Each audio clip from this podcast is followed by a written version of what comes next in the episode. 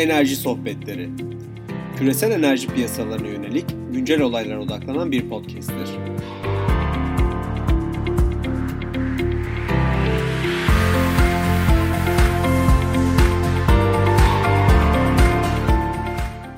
Merhaba 11 Mart çarşamba akşamı karşımızda Londra'dan e, Cüneyt Kazakoğlu var. Cüneyt merhaba. Merhaba Barış, iyi akşamlar. İyi akşamlar Cüneyt. Cüneyt biliyorsun iki gündür yaşadıklarımız Twitter'dan ayrılamadık. Ee, senin değerlendirmelerin nasıl oldu? Bu iki gün nasıl geçti? Valla aşırı yoğun geçti. Hı. Çünkü işte bu fiyattaki çakılma sürüyor diyeyim. Yani bir toparlanma falan yok. Brent tipi petrol yine 35 dolarda. Daha fazla düşmedi neyse ki diyeyim. Ee, ama genel olarak piyasaya baktığın zaman e, gidişatta bir değişiklik yok. Yani acayip haberler geldi tabii işte. Suudilerin piyasayı petrole boğma e, girişiminin bütün rakamları döküldü. Bugün işte üretim kapasitesini 13 milyon varile çıkaracakları bilgisi geldi. Yani bayağı bayağı iddialı rakamlar. Piyasaya da Nisan ayında 12,5 milyon varil petrol sağlayacaklar. Ee, bunların tabii bir kısmı sadece üretimden değil bir kısmı stoklardan da alınacak falan. Bu birkaç son birkaç gündür e, bayağı mesela tanker charter rate'lerini zıplattılar. Bu yüzden çünkü sürekli tanker kiralıyorlar. E, bu sabah önemli bir şey sadece Suudilerle sınırlı olmayacağına emare olarak ADNOK e, yani Birleşik Arap Emirlikleri'nin Abu Dhabi'nin şirketi e, Nisan'dan itibaren üretimi 1 milyon varil günde artıracağını söyledi ki o da ADNOK'un e, 4 milyon varillik kapasite sınırına yak, şey yapması demek, dayanması demek. Hı hı. E, bütün bunlar olurken tabii arız açısından bakacak olursan gene hala Libya yok, hala Venezuela yok vesaire vesaire. Bu hafta içinde bir sürü rapor yayınlandı. Pazartesi günü IEA 2020 için tüketim tahminini negatife çekti çok düşük de olsa. Hı hı. EIA, Ulusal Amerikan Enerji Ajansı bu birden düşen fiyatların Amerikan petrol üretimine olan etkisine hazırlıksız yakalandığı için salı günü yayınlaması gereken raporu erteliyoruz bir gün dediler. Herhalde alelacele bir hesap kitap yaptılar. Bugün yayınladılar. OPEC de aylık raporunu bugün yayınladı. Hepsinde talepler talepte büyük düşüş var. Hala hepsi benim kanımca çok iyimserler. Özellikle EIA yani 360 bin varil günde talep artışı bekliyor bu yıl için ki neredeyse imkansız bir şey. O raporda zaten birkaç tane böyle teknik hata da var bence çok aceleye getirildiği için. Fakat en önemli e, o iki rapordan da en önemli şey bugün tweet'te attım o konuda. İkisi de sene sonunda e, sene sonu için Amerikan ham petrol üretimi rakamlarını çok aşağı çektiler ve e, bu yılın sonunda 2020 sonunda iki üretimin 2019 sonundaki üretimle aynı olacağını öngörüyorlar. Yani Amerikan petrol ham petrol üretimindeki artışın yıl sene sonu itibariyle biteceğini öngörüyorlar. İkisi de 2021 yıl, daha doğrusu ikisi de demeyeyim çünkü OPEC'in 2021 öngörüsünü yayınlamıyor. Fakat EIA 2021 yılında Amerikan petrol üretiminin 300 günde 330 bin varil düşeceğini öngörüyor. Bu bir önceki ayın raporuna raporuyla mukayese edildiğinde o bayağı 700 bin neredeyse 700 bin varlık bir aşağı revizyon demek. Hı. 350 bin bine artacağını öngörüyordu geçen ay. Hı. Yani bunun için ertelediler raporu zaten ve bütün olayda zaten şu anda bu. Yani herkesin şu anda baktığı şey işte sosyal medyada böyle üretim fiyatlamaları işte kaçtan itibaren iflas, kim kaçtan hangi fiyattan itibaren iflas ediyor, hangi ülkenin bütçesi hangi fiyattan itibaren e, negatife dönüyor vesaire gibi bir, bir sürü veriler dolaşıyor. Fakat her halükarda olan şey e, dediğim gibi Amerikan petrol üretimini yavaşlatmak bir, bir şekilde ve daha doğrusu biraz e, şimdi öncesinde konuşurken de seninle o Daniel Yergin de dediği gibi yani bir şekilde bir saunaya girip sağlıklı bir biçimde terleme e, sürecine sürecine girmiş gibi duruyoruz. Ama yani bu süreç e, neresinden bakarsan bak zararlı bir süreç. Bütün üreticiler için zararlı bir süreç. Daha önce defalarca denenmiş bir süreç. Yani böyle Suudilerin şey kesmesi falan filan tek bir defa ilk defa olan bir şey değil. Evet. Daha önce defalarca olmuş bir e, olmuş ve denenmiş. Yani 1986, 87, 98, 99 ve 2014, 2015 Bunların hepsi fiyaskoyla sonuç. Yani fiyaskoyla sonuçlandı demeyeyim de başarısız oldu yani. Evet. Özellikle 2014-2015 mesela Kaya Petrolü yani e, Naimi'yi kovdukları e, kes, kesme mesela üretim kısıntısı yani o hiçbir işe yaramadı resmen. Bir yıl sürdü şey bu Kaya Petrolü. Ondan sonra zaten konsolide olup e, biraz daha verimli bir üretim şekline geçip tekrar geri döndüler. Şimdi de işte öyle olacağından korkusu var. Bu hemen etkisi gözükmeyecek bunun. Niçin gözükmeyecek? Çünkü Kaya Petrol üreticileri önümüzdeki 6 ayın üretimi zaten fixlenmiş durumda. Hı hı. O konuda bir şey olmaz. Yani biz bunu muhtemelen Ağustos, Eylül, Ekim 3. çeyrek ve 4. çeyrek başından itibaren Amerikan petrolündeki yavaşlamayı ancak o zaman görmeye başlayacağız. Burada şunu Ee, demek istiyorsun? Ee, yani son, son bir cümleyi tamamlayayım. Orada da açıkçası yani orada görmeye başlayacağız diyorum da tabii bu şartlar altında bu Suudilerin ve Rusların da bu piyasayı petrole boğma politikasını Ağustos'a, Eylül'e kadar falan götürüp götüremeyeceklerine bak bakıyor biraz. Acaba götürecekler mi? Bence bana pek bana pek e, mümkün ya da mümkün gelmiyor demeyeyim de zor geliyor. Ya şimdi burada e, her halükarda eğer bir fiyat savaşı gerçekse e, senin anlattıklarına göre en az 6 ay artı alt yani 6 ayda hedge'ler son bulacak. Bu yani Shale Oil'in finansal durumları son bulacak. Üzerine bir 6 ay daha da bu fiyatlarla devam etmeliler ki şeyle büyük bir ders vermeleri gerekir belki diyelim. O, bile az çünkü sana şöyle bir şey söyleyeyim. Bu sürecin sonunda Hı hı. yani mesela bu sizin iç- içeride yaptığımız senaryolardan biri petrol 40 dolarda 3 yıl giderse ne olur? 2022-23'e Hı kadar giderse ne olur? Yani orada mesela öyle şeyler var ki hı. şimdi ben sana burada kimin elini o- ovuşturduğunu söyleyeyim. Exxon, Chevron falan ellerini ovuşturuyorlar Evet, şu anda. Hı. Çünkü ne kadar böyle independent kaya petrolü fir- fir- firması varsa hepsi yani ne kadar varsa hepsi değil ama Hı. böyle e, hedge'leri üretim şeylerinden alçakta olanların hepsi şimdi gidecekler. Evet. Dolayısıyla on- onların hepsini büyük bir ihtimalle Exxon Chevron şey yapacak, toplayacak. Onlar zaten yaptıkları stres testlerde Hı. üretimlerini yani 20 dolarda da üretmeye devam edecekler. Hı. Dolayısıyla kaya petrolü etkilemeyecek. Kaya, kaya petrolünü uzun vadede de ben çok etkileyeceğini düşünmüyorum. Hı. Ya da en azından uzun, uzun vadede etkiler. Fakat önümüzdeki 1, 2, 3 yıl içinde böyle çok acayip bir e, çöküntü olacağını etkilemiyorum. Çünkü oraya gelene kadar mesela çok daha farklı, yüksek e, maliyetli üreticiler var. Hı. Yani Deep Sea var. E, ne bileyim kendi OPEC'in kendi içindekiler var. Hı. Her şeyden önce maliyet olarak değil fakat ekonomik olarak mesela aşırı zorlanacaklar. Hı. Yani bugün gördüm mü bilmiyorum. Ee, UAE'nin Birleşik Arap Emirlikleri'nin Enerji Bakanı'nın attığı bir tweet var yani. Hı. İşte tekrar bir araya gelmek OPEC, OPEC, OPEC'in OPEC artı anlaşması çok önemli. Tekrar bir araya gelmeliyiz falan diye. Adamlar sabah Aa, 1 milyon varil üretim arttıracağız diyorlar. Aynı anda Enerji Bakanı ya bir araya gelip konuşsak iyi olur diye tweet atıyor. Yani hepsi tabii biraz böyle PR vesaire falan filan da olabilir. Fakat arka tarafta ben adım gibi eminim Irak, Nijerya, Angola, Hı. e, bir dediğim gibi Birleşik Arap Emirlikleri vesaire bunlar aşırı derecede kötü etkilenecekler Hı. Suudilerin bu şeyinden. Yani Suudilerin bu politikası de facto aslında OPEC'i de bitirecek bir şey. Ya da tam tersine OPEC'in geri kalanı diyecek ki Suudilere ya tamam işte elini öpelim e, gel geri gel e, OPEC'i bozma OPEC'in yıkılışına şey olma. Peki sana peki peki, peki sana bir- sana saçma bir teori söyleyeyim.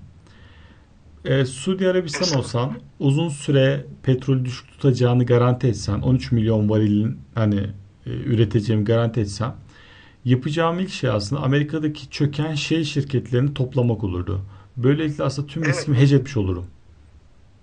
Evet onun onun aynı şekilde o, o, o, o şey çok konuşuluyor. Hatta e, Alfa Ali'nin bu böyle yapılmış bir röportajı da var. Hı hı. İşte e, Amerika'ya girmek istiyoruz vesaire vesaire dediği. Hı.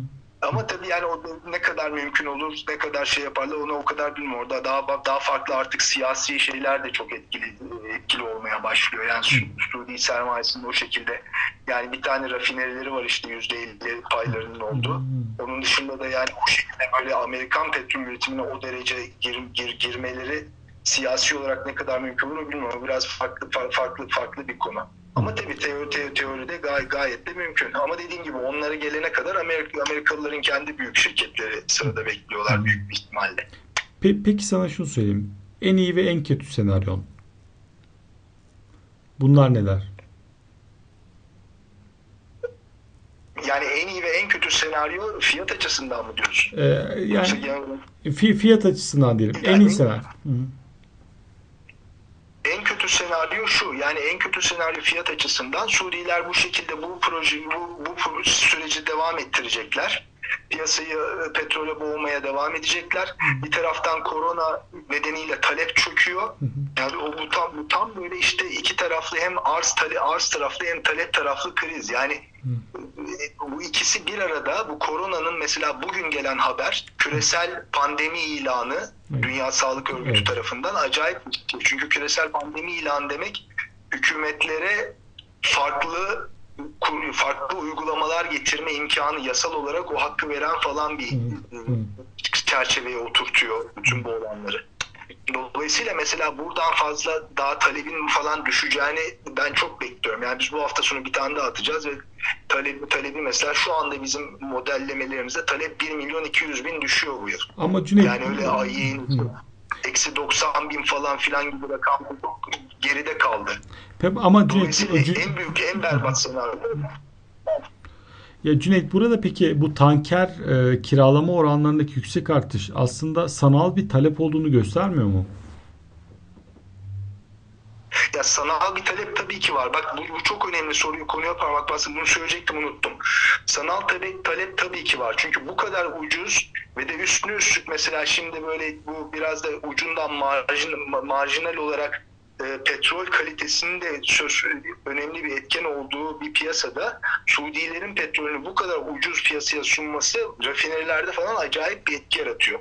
Dolayısıyla inanılmaz bir biçimde tabii talep var. Fakat ta- talep var ve topluyorlar. Fakat şöyle de bir olay var. Mesela tankerlerin ya VLCC'nin falan günlüğü 200 bin dolara falan çıktı mesela.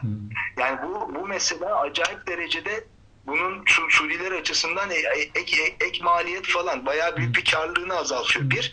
İkincisi şöyle bir olay var. Bu ek talep şu anda bu korkun yani son derece güçlü düşen talep ek ham petrol talebi son derece güçlü bir biçimde düşen küresel petrol talebiyle beraber, petrol ürünü talebiyle beraber birleşince karışık oldu. Bunu tekrar anlatırım istersen. İkisi beraber birleşince şöyle bir sonuç oluyor. Evet. Rafineriler petrolü alıyorlar ucuz fakat ürünleri satamadıkları için stoklamaya başlıyorlar. Evet. Şimdi olacak şeyi ben sana söyleyeyim. Bunu modellediğin zaman sene ortasına doğru falan filan OECD stoklarının stok kapasitesinin sınırına doğru gelmeye başladığını görüyorsun. Yani Evet. o kadar petrolü koyacak yer yok. Çünkü adamlar arzı basıyorlar. Dediğim gibi önümüzdeki 6 ay falan zaten kaya petrolünde bir azalma olmayacak. Fakat bir taraftan bu korona ve ekonomik yavaşlama nedeniyle kullanım azalıyor. Talep azalıyor. Dolayısıyla ikisi bir arada olunca stoklar da olacak ve ondan sonra yani bu şekilde eğer Haziran'dan Temmuz'dan sonra bu şekilde devam edersen Suudiler olarak e o zaman zaten bedava petrole falan geliyorsun. Eksi 5 dolara vesaire geliyorsun. Neredeyse. Yani o acayip o acayip bir senaryo oluyor. hı. Dolayısıyla benim yani benim şeyim hakikaten bunun böyle bir çok uzun süre devam etmeyeceği ve Mayıs ayından önce tekrar bir bir bir, bir şekilde bir ayar gerekeceği şekilde nasıl olacağını bilmiyorum ama ya, ya tek taraflı olarak Suudiler yapacak çünkü Rusya'nın da temel olarak temel kaygısı bariz yani böyle talebin düştüğü bir şeyde Hı hı. bu şekilde düşmenin de ürün aman üretimi kısmının da bir manası yok. Hı hı. Fakat Suudiler açısından yani böyle aşırı derecede yüksek e, volümleri düşük fiyata satmak e, ma- maliyet açısından daha zararlı. Az az varil satı ama daha daha pahalıya sat. Hı. O çok daha çok daha karlı oluyor. Ya şimdi burada ikinci bir etki daha var. Şimdi farz et ki bunlar stokları hızlıca doldururlar. Mesela Çin deli gibi alıyor. Diğerleri de alıyor. Stoklarını dolduruyorlar. Ucuza petrol var. Hani stoklayalım diye. Eğer bundan 8 ay sonra OPEC Plus anlaşmaya geldiği anda stokları full bir dünyada kesmesi gereken rakam bugünkü 2.6-2 milyon varil olacak. 3-4'e kadar çıkması gerekecek belki. Çok daha zor bir challenge olacak sanki. Eski işte 5 yıllık OECD stok ortalaması Hı. politikasına geri düş geri geldiğini düşün yani. Hmm. Yani ondan sonra onu tekrar indirene kadar tekrar bir iki yıl geçer zaten. Hmm. Yani o, o böyle yani bir, bir, bir senaryo hakikaten düşündüğümüz bir senaryo Hı hı. Suudilerin swing producer olarak gene o stoklar dolu şekilde seviyede yani o 5 yıllık o, o OECD stokları seviyesinde değil. Fakat stoklar dolu doluluk stokların doluluk seviyesinde piyasayı dengeleyeceği. Fakat o da ne demek? O da gene, gene çok ucuz petrol demek o zaman 4-5 yıl. Ve bütün bu olanlar olurken tabii ki yani ne kadar yüksek maliyetli üretici varsa son derece kötü ekonomileri çökecek. İşte Suudilerin aşırı derecede bir gider azalma, gelir azalması olacak. Onun da siyasi etki olacağını ben eminim Suudi Arabistan'ın içinde. Yani böyle açıkçası biraz şey e, zor yani bir, bana bana çok sürdürülebilir bir şey gibi gelmiyor ama bizim şirkette de içe dahili olarak bunun tartışmaları var. Sürdürülebilir olduğunu bu sefer çünkü yani bunda şöyle bir olay var hakikaten eğer bir etkisi olmasını istiyorsan daha önceki şeylerden de öğrendiğim bunu bir defa başladın mı bir iki yıl falan sürdürmen gerek. Aksi takdirde yani hiçbir işe yaramıyor. Peki e, sence Suudiler bu hareketi yapmalarındaki temel hedefleri neydi? Yani te, te, temel hedefleri Suudilerin aslında bir fiyat bir fiyat fiyat dengeli fiyat mekanizmasını sürdürmek istemesi. Ama yani de, dediğim gibi yani bu, bu sürekli şu andaki ortamda zaten özellikle talep tarafındaki koronavirüs vesaire nedeniyle daralan talepte düşen talepte ve onun etkisiyle düşen fiyatı e, üretimi kısarak tekrar suni bir biçimde yüksek tutmak, dengeli tutmak mümkün değil. Yani çok zor ya da. Peki burada yani o, çalışmayacak bir şeydi. Yani Suudilerin şu an Suudilerin orada yani kısmasına falan filan gerek yok. Şu anda talep krizi, ekonomik yavaşlama oluyor ülkede, hı-hı. dünyada. Hı-hı. Her yerde. Yani böyle bir ortamda ben petrol fiyatını 60 dolarda tutacağım diye Hı-hı. üretim kısmanın bir manası yok yani. En azından benim şahsi düşüncem öyle. Yani o biraz böyle hatalı bir şeydi. Hı-hı. Ondan sonra işte böyle düşündüğü için bu, bu, bu mantıkla baktıkları için oluyor. Yürümedi yani. Burada ilginç bir durum daha var. Sen Almanya'yı da takip ettiğin için e, Merkel ve Almanya'da bayağı bir hamle yapıyorlar anladığım kadarıyla. Bayağı bir ekonomik krize gidiyoruz da bu enlemeye çalışılmış gibi e, yoğun bir hamleler var. Bunları takip edebiliyor musun? Ya bütün bütün şeyler çok yapıyorlar. Yani bugün bu, bugünkü mesela haberlerde mutlaka eksik olarak fakat e, benim yakalayabildiğim yani geçen hafta Fed faiz indirdi. Ayın 18'inde şimdi tekrar faiz indirecek büyük ihtimalle ve sıfıra doğru gelecek. Bu sabah Bank of England 50 50 puan indirdi faizleri. Yarın e, Avrupa Merkez Bankası konseyi toplanıyor. Büyük bir ihtimalle onlar da bayağı böyle bir e, destek mekanizması açıklayacaklar. Hı hı. Bu sabah e, Trump ya bizim saatimizde sabahta Hı. Trump'ın e, bordro vergilerinin iptal edileceği, Hı. Amerika'da bordro vergilerinin iptal edileceği şeklinde bir teklifi olduğu haberi çıktı. Hı. Zannediyorum yani çok böyle de ilgilenemedim ama zannediyorum böyle bir kabul edilmeyecek falan ama onlar da böyle büyük bir piyasayı hakikaten rahatlatıcı, Hı. en azından tüketim, özel tüketimi destekleyici bir hamleler düşünüyorlar. Herkes şu anda düşünüyor. Almanya'nın zaten çok büyük cari fazlası var. Hı hı. Dolayısıyla yani on, onlar Hollanda'da aynı şekilde mesela onlar böyle çok rahatlıkla çok rahatlıkla destekleyebilirler ve de şu olacak tabii Almanya'nın kendi içinde çok önemli. Yani 2008-2009'da mesela şey yaptılar. E, İngilizcesi Cash for Clunkers, Almanca, Almancası da şimdi aklıma gelmiyor ama eski arabanı getir işte üstüne biraz para koy yeni araba götür şeyi falan yaptılar otomotiv endüstrisini desteklemek için. E, şimdi mesela aynı şekilde tekrar yapabilirler. Çünkü bu, bu, bu yıl yani aynı şekilde otomobil satışları çok kötü olacak. Üçüncü yıl üçüncü yıl oluyor neredeyse. Bayağı bir düşecek yani gene bütün dünyadaki otomobil satışları. Adamların son derece büyük otomobil endüstrisi var. Hı hı. Ben burada iki, iki şey sormak istiyorum. Birincisi Çin'de talepte bir canlanma sanki başlıyor gibi. Yani ilk gördüğümüzde. Talep, yani, sorunu unutma hemen ben soruyu unutmadan bunu cevaplayayım. Talepte canlanma başlamıyor. Fakat yani ekonomik iktisadi aktivitede bir başlanma var daha. Canlanma var. Yani daha talep talepte böyle talebi onun etkisini çok görmedik. Biz mesela Çin'in e, önceki yıla oranla ikinci bu yıl ikinci çeyrekte de bayağı bir talep kaybı olacağını düşünüyoruz. 500 bin varili falan civarında. Yani en az 500 bin. Ancak üçüncü çeyrekten itibaren falan böyle bir tekrar dönmeye. Ama değil, ama tabii ki yani şu Şubat ayındaki ya da Ocak Ocağın ikinci yarısıyla Şubat sonu arasındaki kısım kadar böyle korkunç değil yani o, o ara berbattı. Ee, burada bir de e, sana özel bir soru olarak sormak istiyorum. E, Cüneyt yarın sabah kalktığında hangi dataları takip edecek? Ya yarın sabah kalktığımda bizim bir jet yakıtı modellememiz var. Hı. Onun üzerinde çalışıyoruz. O yarın sabah inşallah bizim Singapur ofisteki arkadaşlar Hı. onun aslında e, kısmını bitirmiş olacaklar. Hı. E, Dolayısıyla dolayısıyla onun verilerini yeniden işte bizim küresel modele ekleyeceğiz. Hı. Bakacağım muhtemelen. Onun dışında çok da fazla böyle yani fi- fi- fiyatta çok bir şey olacağını da zannetmiyorum. Onun dışında başka da bir şey aklıma gelmiyor yani böyle çok özel olarak bakacağım bir bakacağım bir iktisadi veri falan falan mutlaka mutlaka bakarım yani böyle bir başlıklara da E, zannediyorum yarın şeye baktığında Hı. yarın ayın kaç- 10 12'si değil mi? Evet. Yani yarın işte şimdi şeye bakıyorum ama böyle çok da böyle bir önemli veri açıklanmıyor. Peki şöyle son olarak sana sözü bırakayım. Ee, söylemek istediğin bir şeyler var mı? Ya söylemek istediğim şey yani bu iki tane şey var hakikaten. Birincisi bu petrolün hala nasıl bir küresel önemi olduğunun göstergesi bütün bu şeyler. Yani fark bilmiyorum en azından kendi kendi fanusumda diyeyim ben. Hı. Şimdiye kadar işte böyle bu olaylar patlayana kadar işte yenilenebilir enerjinin petrole etkisi falan filan tarzı şeyler Hı. e, hakimde böyle takip ettiğim konuları Hı. birden böyle her şey bitti. İşte dünya ekonomisi, petrol falan filan e, işte, e, ilgisi. Apple, Facebook diye konuşmuyoruz. Apple, Facebook konuşmuyoruz. Aynen konuştuğumuz şeylerde Apple, Facebook'un işte şeylerinin çalışanlarının ne kadarının evden çalışacağı ve bunun benzin talebine olan etkisi gibi şeyler oluyor.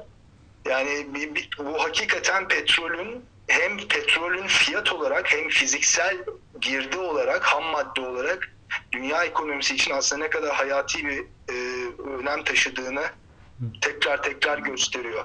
Kötü yanı bu iyi yanı bence petrol için, petrol için. Fakat kötü yanı da şu. Kötü yanı hakikaten yani petrol fiyatı gibi son derece önemli bir şeyin aslında 2-3 kişinin yani burada biraz şey kaçık ama belki nispeten çocukça diyebileceğin bir çekişmesinin sonucunda bu derece büyük e, salınımlara gitmesinin de görmenin çok iyi olduğunu en azından petrol imajı açısından çok iyi olduğunu zannetmiyorum. Ya bu şimdi işte yenilenebilir enerjiye rüzgar, güneş, elektrik falan baktığın zaman o piyasalarda böyle şeyler olmuyor. Çok daha şeffaf, çok daha 21. yüzyıl. Bu bu tarz böyle çekişmeler işte arz talep kısmısı kavgaları vesaire jeopolitik önemi bilmem ne gibi şeyler çok daha 20. yüzyıl kalıyor. Ve bu, bu bunun zannediyorum ben tabii gene kendi fanusumda yaşadığım için bunu görmüyorum. Fakat zannediyorum e, işin bu fanusun dışında yaşayanların böyle bir imaj gördüğünü de gördüğüne de eminim. Yani bu ne oluyor böyle buna bu niye böyle oluyor vesaire diye. O da o da hoş değil yani. Bir taraftan petrolün önemini göstermesi açısından güzel fakat diğer taraftan bu tarz bu tarz olayların aslında e, ya o bir bu kadar hayati önem taşıyan bir enerji kaynağı için hiç güzel şeyler değil bunlar aslında. Cüneyt çok teşekkürler vaktini ayırdın. Ben çok teşekkür ederim. Orada gene seni bayağı gece yarısı tuttuk galiba. Yo hazırım ben her zaman hazırım. Özellikle bu dönemde zaten hiçbirimizin uykusu gelmiyor galiba değil mi? Yok evet biraz yani ben de hala işteyim böyle.